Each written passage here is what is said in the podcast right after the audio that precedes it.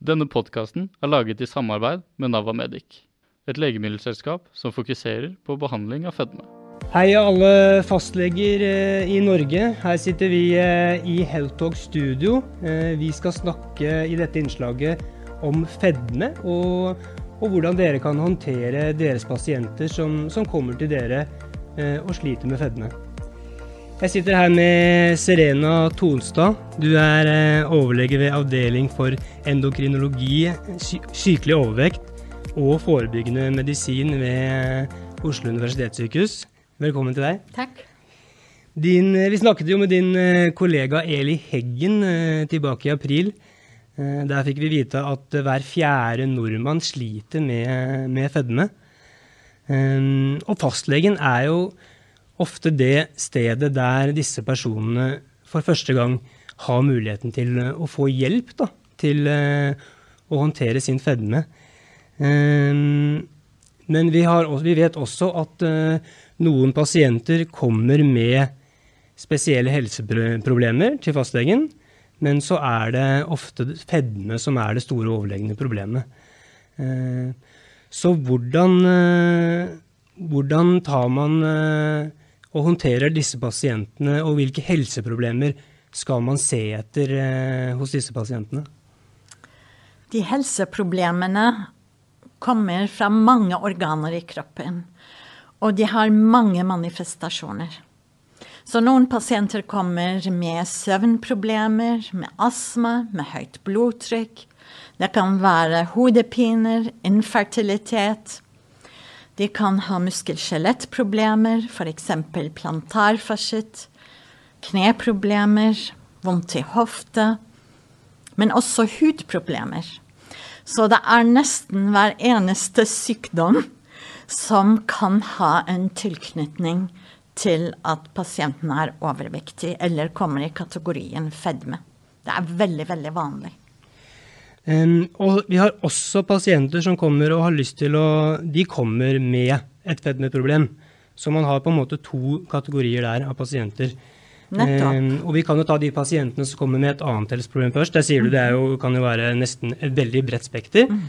Um, og da burde fastlegen se at, uh, at her er det kanskje fedmen mm.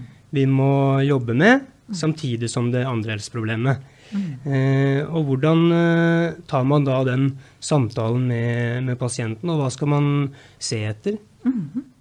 Vi tenker at man jobber parallelt både med den plagen pasienten har, og med å identifisere fedmen først og fremst og også hjelpe pasienten med vektreduksjon. Så f.eks. hvis vi tenker på høyt blodtrykk, hvis vi tenker på diabetes, hvis vi tenker på eh, fettlever, på infertilitet Alle disse problemstillinger har behandlinger som er rettet mot det problemet.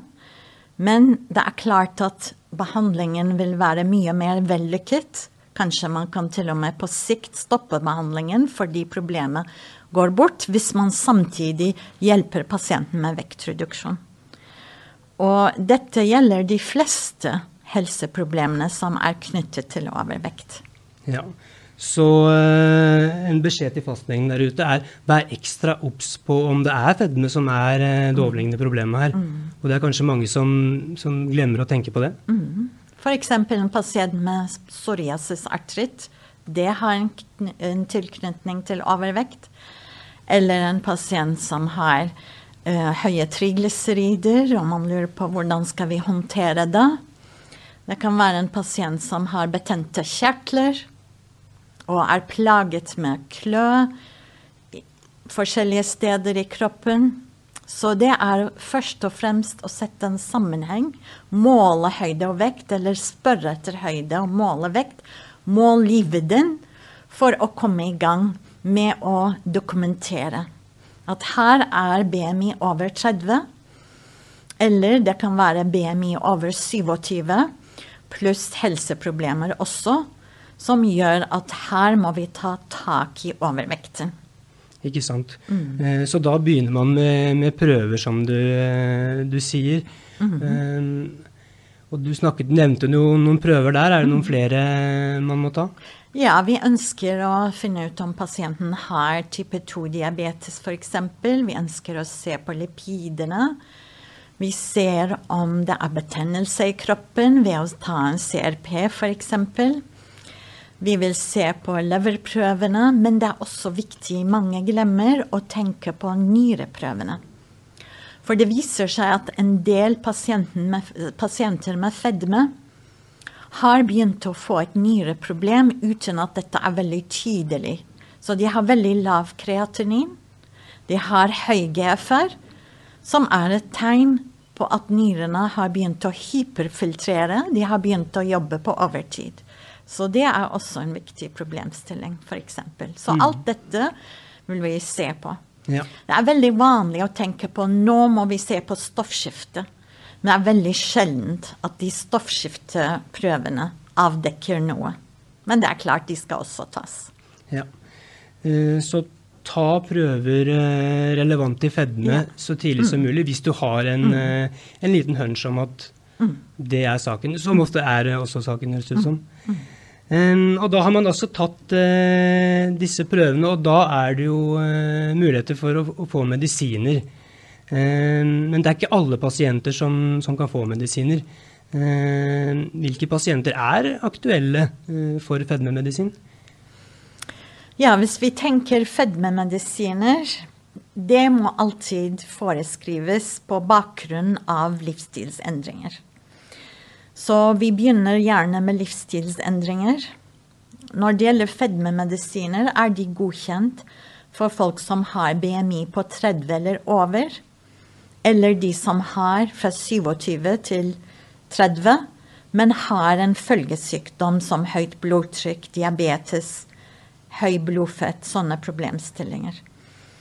Så det er en, en god bredde av pasienter som kan være aktuelle for fedmemedisiner, men det kommer alltid på toppen av livstidsendring i bunn.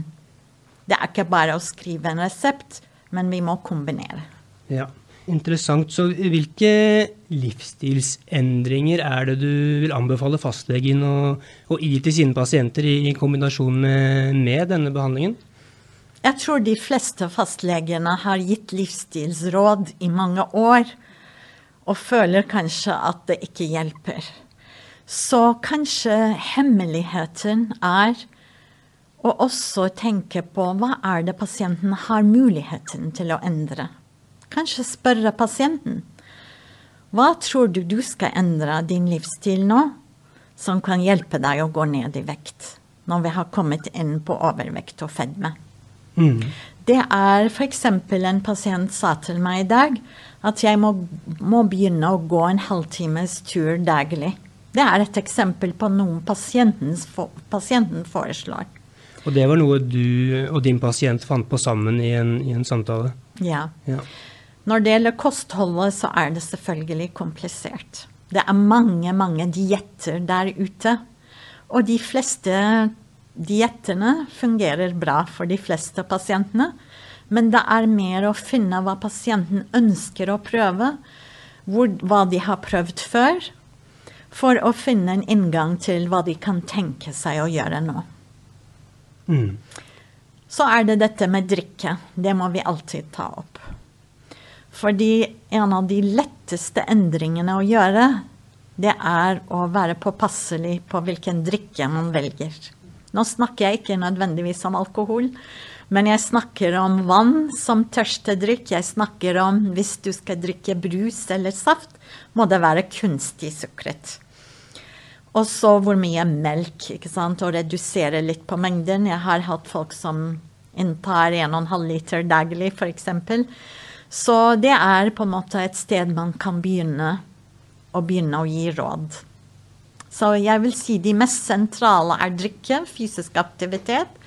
Og så sammen med pasientene å identifisere et kostholdsmodell som de har kanskje prøvd før, eller som de finner tiltalende, eller som de ønsker å prøve. Ja.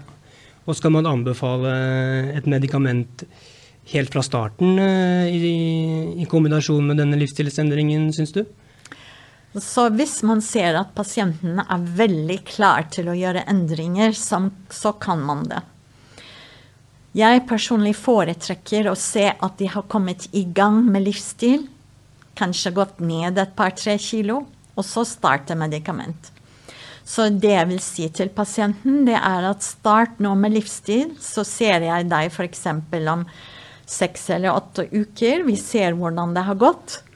Og så skal vi diskutere medisiner som kan hjelpe deg, og som kan gjøre livsstilsendringer lettere. Og en del pasienter vil si å, fins det medisin som kan hjelpe til med livsstil?